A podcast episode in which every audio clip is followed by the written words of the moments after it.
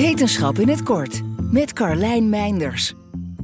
Stemmen kunnen steeds realistischer worden nagemaakt door kunstmatige intelligentie. Zien en horen we straks nog wel het onderscheid? Nee, zeggen onderzoekers. Sterker nog, dat kunnen we nu al niet zo goed.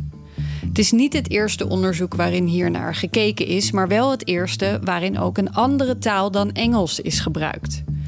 De onderzoekers trainden een bestaand algoritme met twee openbaar beschikbare spraakdatasets. Eentje in het Engels en eentje in Mandarijn.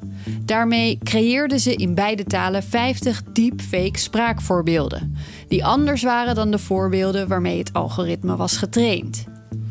Meer dan 500 proefpersonen kregen zowel kunstmatig gemaakte samples als echte spraakvoorbeelden te horen en moesten aangeven welke echt waren en welke niet. In meer dan een kwart van de gevallen lukte dat ze niet. En dat werd amper beter nadat ze tips kregen om deepfakes te herkennen. Die uitkomst suggereert dat we het met de nieuwere algoritmes, waaruit samples komen die nog geloofwaardiger zijn, al helemaal niet zouden kunnen.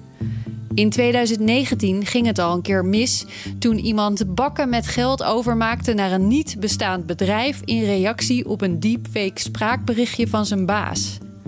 En ja, er zijn ook veel positieve mogelijkheden voor dit soort technieken, maar we moeten ook klaar zijn voor de negatieve kanten.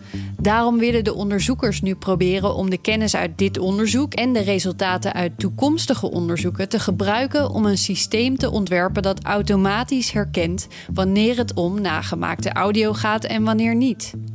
En dat is eigenlijk best bizar. Wij kunnen AI-creaties zelf niet meer herkennen, dus creëren we AI om dat voor ons te doen.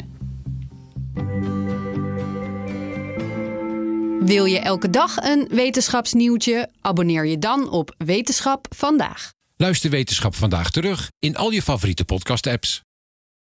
Ook Harm Edens vind je in de BNR-app. Je kunt BNR Duurzaam niet alleen live luisteren in de app, maar ook terugluisteren als podcast, zoals al onze podcasts.